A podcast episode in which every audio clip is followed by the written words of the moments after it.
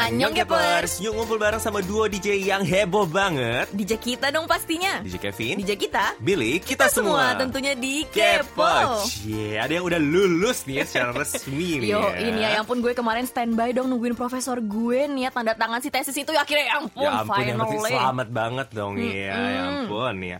Dan gue juga udah selesai nih ujian Wets. terakhir gue di S1 ini akhirnya Wets, ya. dari pagi udah belajar di perpustakaan Iya. ya DJ Kevin Belajar ya. gak sih ya? Tapi akhirnya kita lulus bareng kan ya nih beneran nih semua puji Tuhan banget loh. Oh, iya, gue seneng banget juga nih karena minggu ini gue libur dong Wets, ya. loh, bukannya lo baru mulai intern nih? Iya, jadi kan emang li- eh, gue udah mulai ini intan ya. Tapi ternyata kantor gue ini kena liburan musim panas. Enaknya gini. ya, Hmm, bikin jadi- ngiri aja deh. Heeh, jadi gue baru masuk lagi minggu depan nih ya. Hmm, Kerjaannya gimana tapi? Tapi kerjaan sih tetap banyak ya. Semangat nih ya DJ Kevin ya.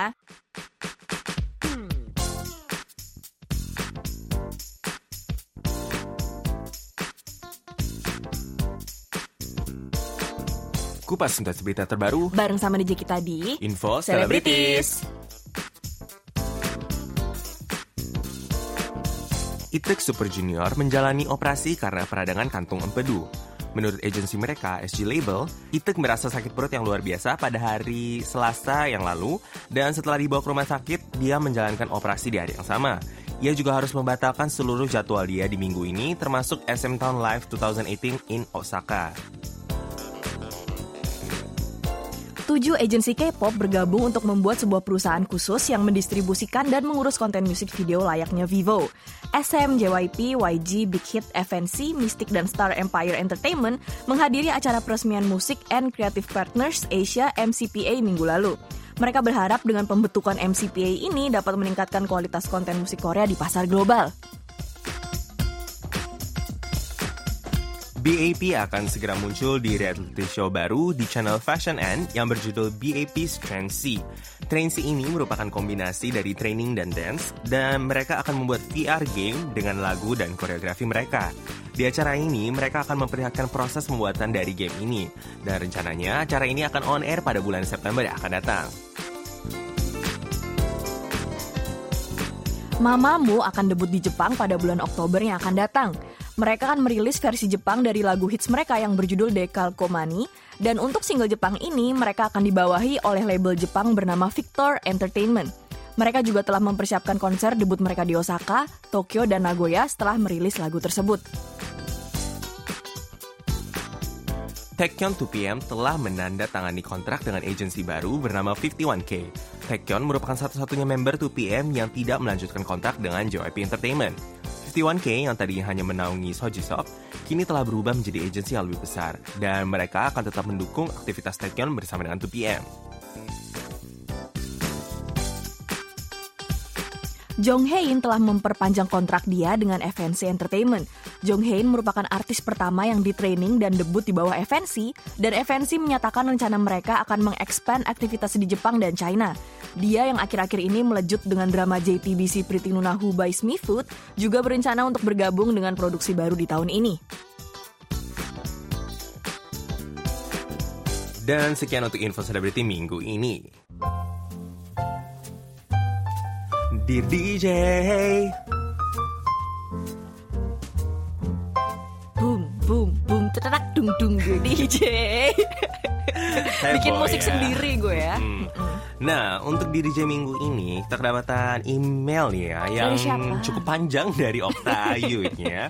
Nah, jadi karena agak panjang kita bakal disingkat-singkatin ya. Oke, nah halo DJ apa kabar? Semoga Hai. sehat selalu ya.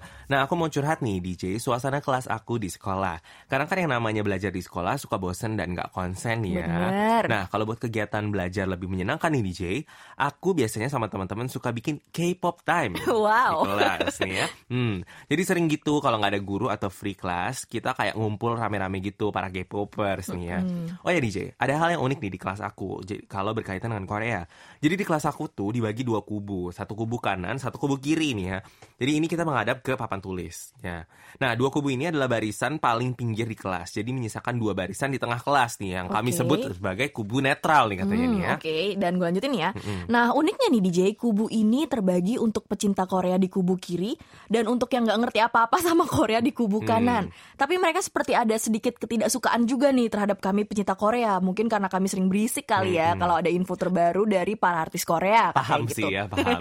Iya, dan untuk kubu kanan diisi sama anak hits dan pasti lebih suka sama budaya barat ya, seperti dengerin lagu Amerika gitu. Pop nih ya. Pop maksudnya. nih ya. Nah kalau yang di kubu kiri diisi dengan anak-anak yang suka sama Korea, all about Korea deh pokoknya nih ya. Kalau aku sendiri sih nih ya DJ termasuk kubu tengah alias netral nih. Tapi teman-teman aku juga lebih banyak dari kubu kiri, jadi ya suka ikut-ikutan mereka. Ya berarti ini nggak netral lagi dong. Jadi kamu lebih ke Korea nih maksudnya nih ya. Setiap nggak ada guru atau guru nggak masuk tapi ngasih tugas atau free class, kita kayak sering bikin It's Korea Time Oke. katanya gitu. Hmm, terus gue lanjutin nih ya. Nah, kalau udah gini nih DJ ya, beh, kubu kiri bakal rame banget DJ ya. Semua tentang Korea kita omongin Wow. pastinya. Dari artis, drama, makanan, budaya, semua kita bahas kupas tuntas nih ya. Tapi kami lebih sering muterin musik gitu. gitu. Hmm. Terus udah mana kan eh, kelas aku kan deket sama guru meja piket tadi DJ ya. Sikat aja deh ya gitu. Mau ada guru mau enggak tetap lagu Korea tuh disetel gitu ya. Nah, balik ke masalah kubu nih ya di Jenny ya. Dan buat kubu kanan mereka ini nggak ngerti sama K-pop atau bahkan anti K-pop nih. Mereka kadang bilang kita alay atau merasa terganggu sama kita-kita yang suka heboh ngomongin opa-opa gitu. Kadang kalau kita setel lagu Korea mereka diem. Kadang kalau mereka setel lagu Barat kita diem. Tapi bersyukur sih nggak pernah terjadi pertikaian yang berarti. Kita tetap saling menghargai katanya gitu. Tapi tetap aja kelas didominasi anak K-popers katanya gitu. Nah, terus lanjut nih ya. Wah, kalau ngomongin yang namanya masa SMA nih ya, masa SMA aku penuh dengan drama seperti drama Korea DJ. ya macam pertikaian dalam drama anak remaja gitu. Tapi yang pasti aku bersyukur kadang dengan belajar budaya Korea juga bisa jadi penghibur saat-saat kita lagi stres di kelas 3. Benar-benar. Bisa jadi motivasi untuk berkembang ke depannya lebih baik. Dan menurut aku DJ, suka terhadap sesuatu hal itu wajar. Itu kan manusiawi, asalkan terkendali dan gak berlebihan. Setuju nih ya. Dan wah panjang juga nih cerita aku di DJ. Ya mau gimana lagi ya DJ masa SMA aku baru berakhir tiga bulan yang lalu. Oh. Aduh enak ya baru tiga bulan ya. Jadi kangen sama teman-teman buat ngomongin Korea katanya. Sekarang kita udah sibuk sama masa depan masing-masing DJ. Ada yang lanjut kuliah, ada juga yang kerja, tapi kita masih tetap komunikasi lewat sosmed. Saling dukung satu sama lain dan pastinya tetap update info Korea. Yeah. Sekian ceritaku ya DJ, maaf ya kalau kepanjangan. Semoga DJ-DJ semua terus sehat dan semangat siarannya ya. Fighting! Wah, makasih banget nih. Jadi tiba-tiba keinget lagi nih masa Iya nih. SMA nih ya. Langsung flashback loh gue sambil bacain ceritanya nih ya. Nih gue cerita dulu nih ya. Lu pikir dulu nih masa-masa Oke. SMA lu gimana nih ya. Kalau gue sih ya masa SMA juga ada tuh yang kayak gitu nih ya. Kalau apalagi dulu kan kalau zaman gue kan masih yang kayak Korea masih belum seterkenal sekarang dong ya. Jadi yang suka Korea tuh cuma dikit banget gitu. Misalnya satu uh, kelas kayak 40 orang paling yang suka Korea kayak nggak sampai 10 orang gitu ya Ah, sih? masih sedikit nah, ya. terus gue tuh dianggap freak banget gitu loh. Karena yang kayak apa sih Korea Sekarang Korea juga gitu freak kan. kok. Ya sekarang juga freak sih sebenarnya gitu ya. Cuma maksudnya pada kayak apaan sih suka-suka Korea gitu iya. kan ya. Nah terus gue inget banget nih ya. Jadi yang lucu tuh adalah dulu tuh gue punya temen. Kayaknya gue udah pernah cerita juga sih. Dulu tuh gue punya temen SMA nih ya.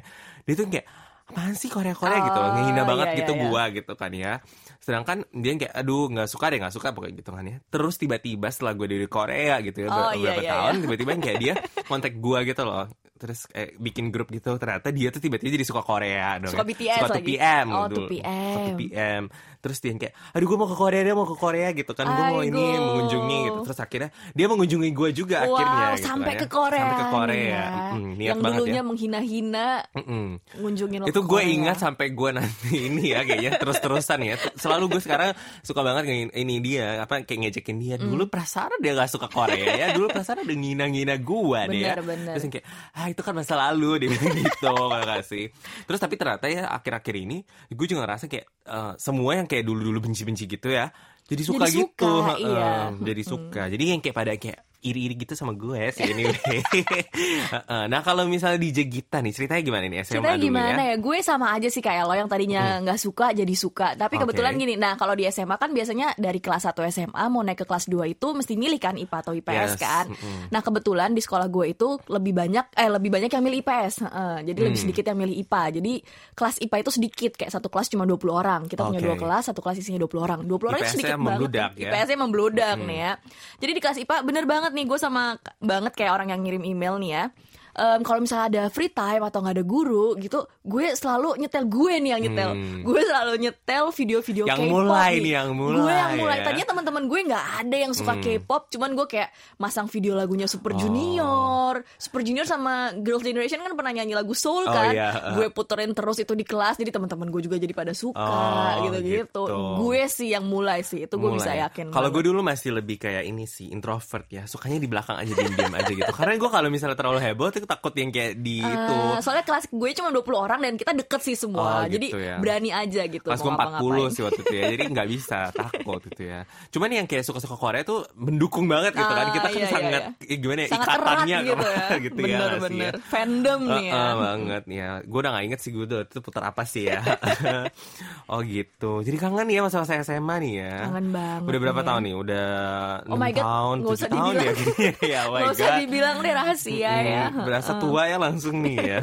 Kita jadi flashback loh ya nih seru banget. By the way sekian nih ya untuk diri J minggu ini. Yoi, dan jangan lupa untuk berpartisipasi minggu depan pastinya nih ya. Kita tunggu cerita-cerita menarik dari Wara Kepors. Kirim email lewat email kita ke indonesia@kbs.co.kr dan Facebook message kita ya. Dan untuk laporan penerimaan siaran minggu ini kita bacain ada dari Teresia Pudiastuti tanggal 24 Juli 2018 via Camaja FM pukul 7 sampai 8 malam lokasi Jakarta Selatan Simpo 55555 siaran terdengar jelas dan tanpa gangguan. Uh. Oh ya, dan juga untuk kalian nih yang dapat survei pendengar nih ya, masih ada waktu untuk kalian mengirim balik nih ya survei-survei itu ya. Jadi tolong difoto kalau udah diisi dan email ke email indonesia@kbs.co.kr ya. Hmm, dan kalian juga bisa banget nih ya fotokopi surveinya untuk dibagi-bagi ke pendengar lain. Pokoknya intinya sebarkan banget sebanyak-banyaknya seluas-luasnya nih Betul ya. banget. Dan sekian untuk laporan penerimaan siaran minggu ini juga ya.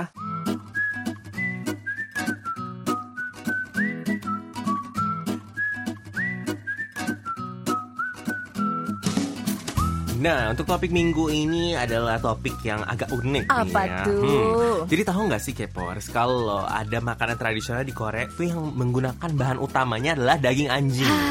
Iya ya nih ya. Yoi. Dan makanan ini namanya bosintang Mm. dalam bahasa Koreanya. Dan sebenarnya nggak gampang juga sih cari restoran yang jual makanan ini nih ya. Mm. Biasanya ada di eh, traditional traditional market yang Mm. agak di pedalaman gitu. By the way, lu pernah makan nggak nih? Aduh, gue sih eh, ini ya karena gue kan juga bukan muslim ya, jadi kan gue sebenarnya sebenarnya bisa aja gitu makan kan, cuman gue nggak pernah sih karena nggak Iya, berani iya juga ya, kayak sih? geli gitu nggak sih ya. Nah kalau lu sendiri emang lu pernah? Gue melihara anjing sih di rumah. Oh, Jadi itu gitu ya. kayak makan keluarga sendiri nggak sih mungkin makan keluarga ya. gitu rasanya, kanibal dong ya. Kanibal. Tapi akhir-akhir ini kayaknya isu ini rame gitu Yo, nih ya. jadi makanya kita untuk dibahas ya masuk kata kamu kata aku karena Wets. kita selalu isu-isu yang hot gitu ya Wes, dibahas ini ya. DJ Kevin pinter nih milih topik nih ya. Hmm, Nah, jadi nih ya, katanya akhir-akhir ini muncul berbagai suara nih ya untuk menolak eh, dijadikannya anjing sebagai bahan makanan nih di Korea Uh, ya. Ini gue udah setuju duluan nih.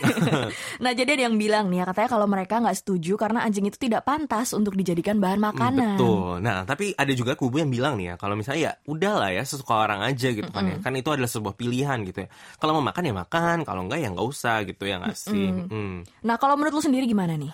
Ya gue nih ya, kalau gue sih memang gue kan tidak makan daging anjing gitu kan ya.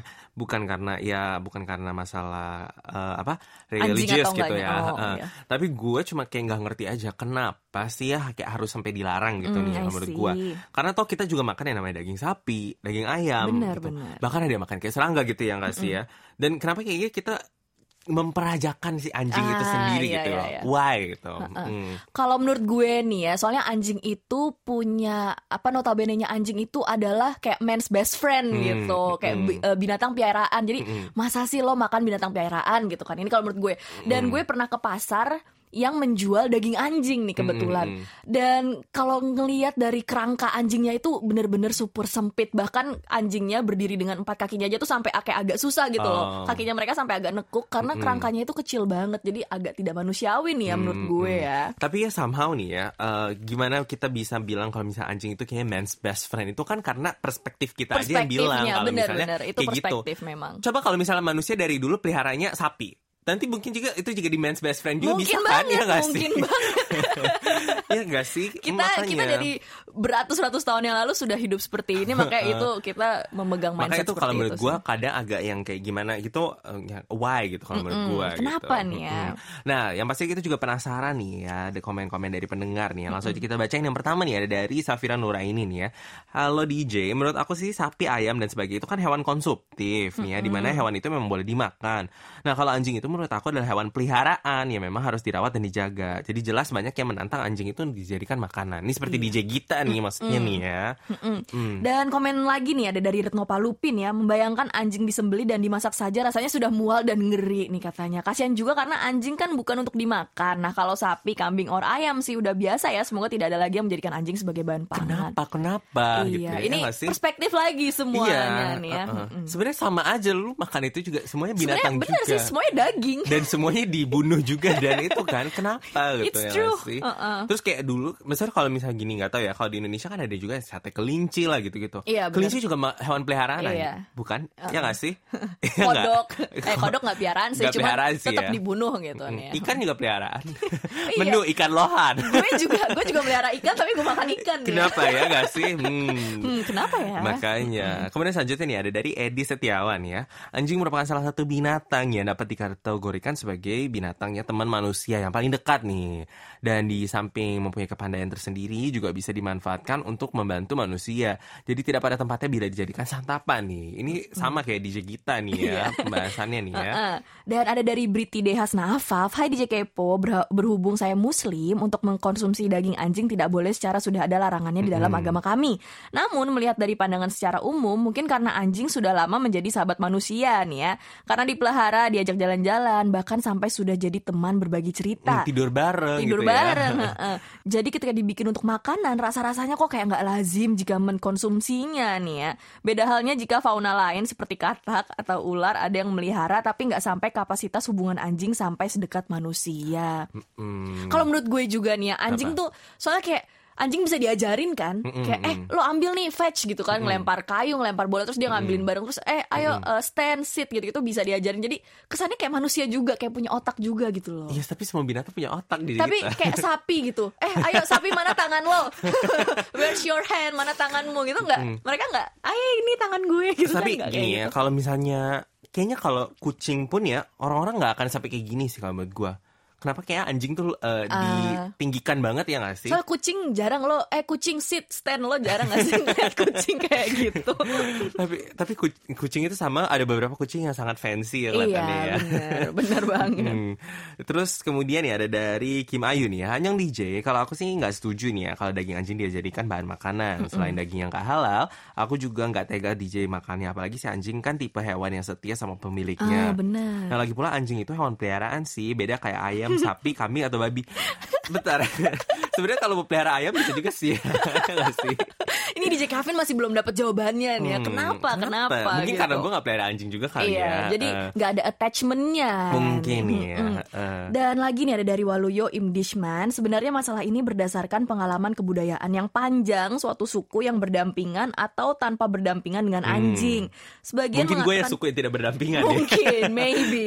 Sebagian mengatakan anjing tidak sepantasnya menjadi bahan makanan. Alasan tersebut terjadi karena sebuah kesepahaman dan kesepakatan bersama suatu kelompok tertentu yang mungkin hidupnya memandang anjing menjadi sebuah hewan peliharaan spesial.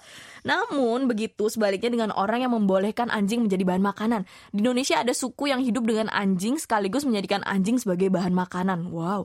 Semua itu terjadi karena sebuah kesepahaman dan kesepakatan bersama antar suatu kelompok atau masyarakat. Tuh, terus gue lanjutin nih ya. Jadi saya sendiri mendukung anjing sebagai bahan makanan dengan konsekuensi peraturan yang bagus nih. Misalnya dengan rumah pemotongan yang lebih manusiawi atau hewani ini ya.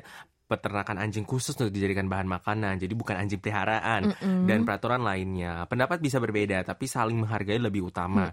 Jangan karena mayoritas hak atau unsur kebudayaan tertentu hilang karena sebuah tekanan daripada mayoritas nih ya. Nah ini gue juga Ini lumayan netral nih Mm-mm. dari Waluyo nih ya. Gue agak setuju sih ya karena menurut gue nih ya memang kita berpikirnya kalau misalnya anjing-anjing itu untuk dijadikan hewan peliharaan gitu kan memang rata-rata seperti itu tapi sebenarnya menurut gua yang untuk dijadikan hewan-hewan yang untuk dijadikan makanan ini beda gitu loh. Iya, Mereka bener, untuk bener. memang khusus untuk dijadiin bahan makanan doang gitu ya. Jadi lu nggak training dia untuk sit gitu, Iya. apa kasih tangan gitu. Enggak, mereka nggak ngerti Bener, juga bener. anyway. Iya gitu benar kan sih ya. Dan gue juga setuju sih dengan pemotongan rumah pemotongan yang lebih manusiawi atau hewani nih ya. Karena kalau yang di Korea tuh yang masih gue lihat sampai sekarang adalah kerangkanya tuh benar-benar kecil Oh banget gitu, nih ya. kurang Mm-mm. manusiawi. Kurang manusiawi nih ya. Sebenarnya juga banyak yang kayaknya komplainnya gara-gara itu nih. Bener, Mungkin bener. karena mereka ngerasa kalau misalnya kok eh, si anjing ditaruh di tempatnya yang kayak nggak manusiawi gitu, Mas, manusiawi hewani gitu. Hewani bener-bener.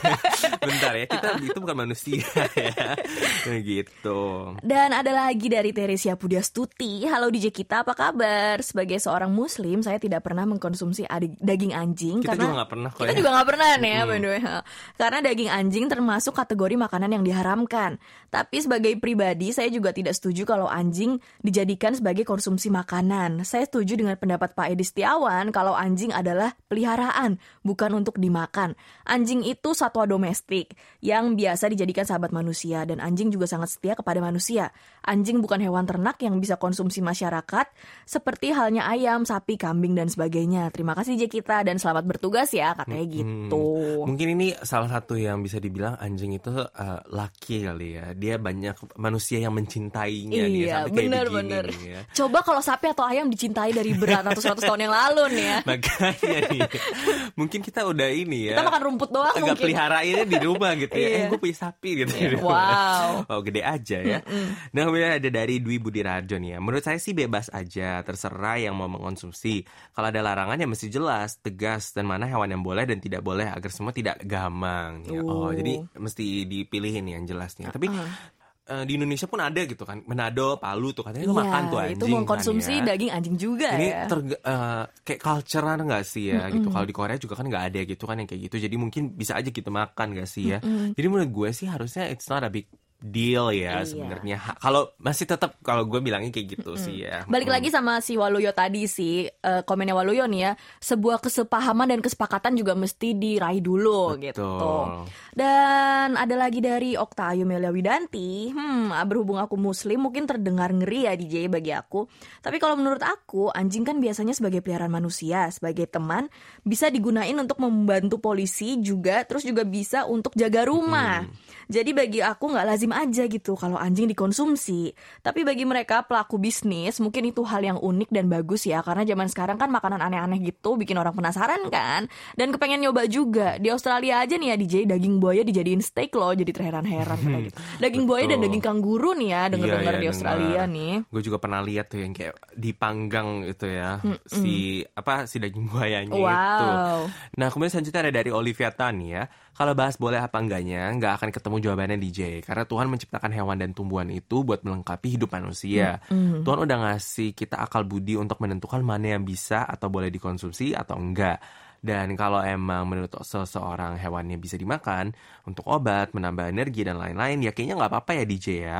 Meskipun kasihan ya, soalnya kan hewan itu bisa dijadikan jadi sahabat manusia. Bener. Tapi konsumsi sesuai kebutuhan itu aja kan ya, bukan seperti manusia-manusia liar. Maaf, misalnya pemburu nih ya, yang sengaja bunuh hewan untuk diambil bagian tubuhnya untuk dijadikan keuntungan pribadi atau malah untuk jadi hobi atau kesenangan pribadi, misalnya jadi hiasan gitu kan ya. Benar Bener, nih. Gue agak setuju sih ya sama Olivia Tan ini nih ya, karena banyak juga yang kayak memang eh, ini yang kayak pemburu gitu kan ya, banyak yang suka pernah lihat gak sih kalau misalnya ke rumah orang yang rage gitu ya, Ada- kepala-kepala kepala hewan rusa gitu ya. gitu ya. Itu cuma dijadikan pride-nya dia Hmm, aja. Kalau itu kayak ya. tega gitu nggak sih Iya, ya? tega banget. Hmm. Tapi denger-denger juga nih ya, Halmoni Haraboji atau nenek kakek di Korea juga itu tuh menganggap bosintang sebagai makanan yang ampuh untuk meredakan gamgi atau flu nih Betul. katanya. Karena memang banyak, banyak yang bilang kalau misalnya ini jadi penambah energi gitu. Iya. Memang. Apalagi terutama kayak musim panas gini Bener. juga banyak dimakan gitu makanya nih ya. Nah, karena kepercayaan itu juga banyak orang tua yang mengkonsumsi bosintang atau daging anjing itu nih ya. Gitu.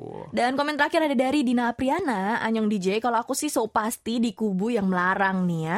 Karena kan di sini anjing itu hewan peliharaan yang patut untuk dijaga. Karena anjing memiliki peran penting yaitu menemani manusia dan menjaga hewan peliharaan khususnya bagi non muslim. Sama halnya di agama Islam, anjing itu seperti kucing. Dalam Islam, kucing itu tidak sepantasnya dikonsumsi karena kucing hewan yang sangat disayangi oleh Nabi Muhammad dan memiliki peran yang sama pula seperti anjing yaitu menemani manusia, lebih tepatnya menjadi menjadi hewan peliharaan saja. Jadi saya melarang tegas untuk orang-orang yang mengkonsumsi daging anjing dan melarangnya nih ya. Karena itu perbuatan yang tidak baik. Sekian dan terima kasih DJ. Have a nice day katanya gitu. Hmm, nah, kalau di Indonesia nih banyak yang melarang nih sepertinya nih ya.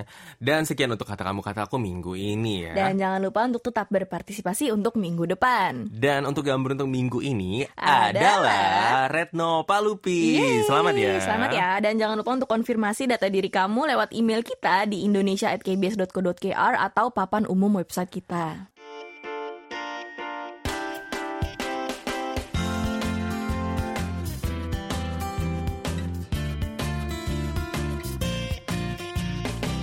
Amel, Annyeong. Annyeong. Annyeong DJ Kevin, DJ kita. Apa kabar nih, Mel? Baik, baik. Kalian apa kabar di tengah cuaca yang panas banget ya? Eh gila nih emang cuaca di Korea ini panas banget ya. Semoga K-popers nggak bosen ya. Setiap kita setiap minggu kayak kita ngebahasnya kayak panas panas panas gitu sih ya. Isinya ngeluh terus gak sih? Hmm, Kita makanya. panas nih, panas gitu.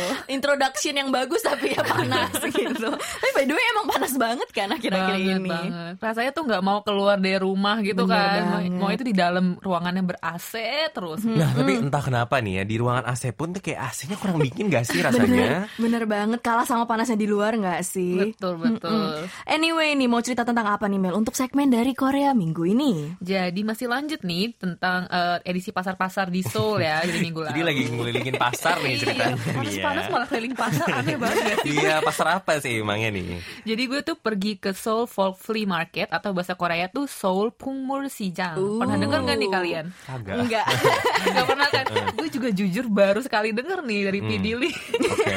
Terus uh, tentang si Seoul Folk Flea Market ini yang letaknya tuh di Sinseoldong Seoul. Jadi ini Uh. merupakan pasar tradisional yang menjual beragam barang mulai dari pakaian, perabotan rumah, alat musik, elektronik, barang-barang antik hingga barang-barang langka juga. Uh, jadi ini mirip gitu nih ya sama Dongmyo Flea Market yang lo ceritain minggu lalu nih. Yes, bisa bilang bisa dibilang mirip karena lokasinya pun cukup berdekatan ya dari uh, Dongmo Flea Market itu Ah. bisa ditempuh dengan jalan kaki. Nah, tapi kalau Seoul Folk Flea Market ini indoor gitu dan menurut gue Uh. jenis barang-barang yang tersedia juga jauh lebih banyak. Oh, kalau indoor lumayan lah ya untuk musim panas kayak gini ya. Yes, bener banget. Jadi kita nggak mesti panas-panasan ya kalau mau belanja di Seoul Folk Flea Market ini. Jadi karena area indoor dan ber-AC. Oh, itu yang paling penting ya, Penting ber-AC. Baru asik banget nih ya. Jadi lo hunting-hunting barang gitu nih ya. Terus suasana di dalam pasarnya tuh gimana tuh Mel? Jadi pasarnya tuh cukup gede, gede banget sih kayak pasar modern gitu ya. Uh. Ada dua lantai. Di lantai pertama tuh ada alat-alat tradisional rumah tangga, terus ada barang-barang handmade, barang antik, tas-tas, baju dan sepatu. Sementara di lantai duanya ada alat-alat olahraga, elektronik, buku-buku dan DVD. Macam ITC ya kedengarannya. TC, oh nih iya ya. ya, TC mungkin Mangga 2 gitu ya. Roxy gitu ya. Nah, tapi ini lengkap banget ya ini ya si pasar ini nih ya. Lengkap banget dan rapih banget serta teratur gitu loh Hmm. kayak pasarnya. Jadi kalau lo mau nyari barang apa nih, tinggal ikutin aja petunjuk arahnya dan gampang ditemuin deh. Pokoknya langsung ketemu itu barangnya. Nggak Oh. usah muter-muter nyari. Oh gitu. Mungkin itu bedanya sama ITC ya. Kalau ITC lo harus keliling dulu gitu ya. Kalau ITC kita mesti ngafalin Iya, ya. blok apa, blok apa gitu. kan. banget. Tapi nih enak nih ada petunjuknya nih ya. Kalau dari segi harga gimana nih Mel? Murah-murah nggak? Wah jujur gue kemarin tuh nggak sempet nanya-nanya harganya gitu ya. Jadi secara gue ke sana cuman lihat-lihat window shopping gitu kan. Tapi setelah gue research lagi di internet katanya sih memang harga-harga barang di sana tuh miring banget Uh. gitu. Dan kayaknya banyak barang langka juga nih ya. Yes banget. Jadi mm, katanya tuh kalau yang buat para kolektor-kolektor barang antik bisa ke sana menemukan barang-barang yang jarang ditemukan di tempat lain Hmm. gitu. Terus juga di lantai dua itu juga kita bisa mencoba baju-baju jadul Korea kayak Serius? seragam sekolah atau hanbok Oh. gitu. Ih seru banget. Boleh dicoba nggak sih ini berkunjung ke sini nih ya kalau lagi di Seoul nih kepor semua nih ya. Dan katanya tadi harganya miring kan ya. Betul banget, recommended banget sih apalagi banyak juga makanan yang dijual di sini.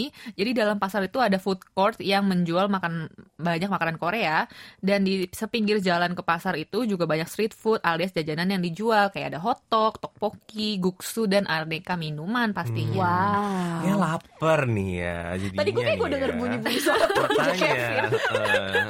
lapar mulu gak akhir-akhir ini ya. Bukannya lo kemarin lagi diet lagi ya, Kev? Ah, lagi co- mencoba sih ya. Kayaknya susah nih ya kalau udah masuk kantor ya. Eh, Udah susah kayaknya Kevin nih ya kalau mau diet nih ya. Secara udah kembali ke badan normal. iya, makanya kemarin baru upload Instagram ya. Setelah dua bulannya gitu ya. Bentar tapi kemarin tuh tiba-tiba DJ Gita, eh, DJ Gita, DJ Amel tuh nelfon gue gitu yang kayak bilang, gue tuh habis lihat foto lu dulu atau eh, ini kayak kurus banget sekarang udah kayak kembali normal gitu. Gue sedih ya ngeliat video-video DJ Kevin yang zaman dulu kok kurus banget gitu kan. Yang zaman dulu yang bener-bener belum punya otot gitu-gitu. Bukan bukan maksudnya yang Pas lagi diet. diet. Ah, iya, gitu. emang. Kayak Ya, drastis banget perubahan Gratis gue banget gitu ya sekarang kan lah ya. mendingan makan enak biar happy seperti gue ini. Ah, memang ya kalian itu udah pernah mendukung saya nih ya kalau mau diet kan. Ya udah mari aja kita lihat foto-foto Soul Folk Flea Market nih aja nih ya. Kalau gitu bisa dilihat di website kita kan pastinya ya. Ya pastinya ada di website kita yang kece banget ya. Yoi. Katanya baru renewal nih ya, jadi kece sekali loh guys. Yes, dan alamatnya tetap di world.kbs.co.kr slash Indonesian ya K-Popers. Oke deh, thank you banget ya Mel untuk cerita hari ini ya. Dan ketemu lagi minggu depan ya. Sip, sampai ketemu minggu depan ya K-Popers untuk kamu dari Korea.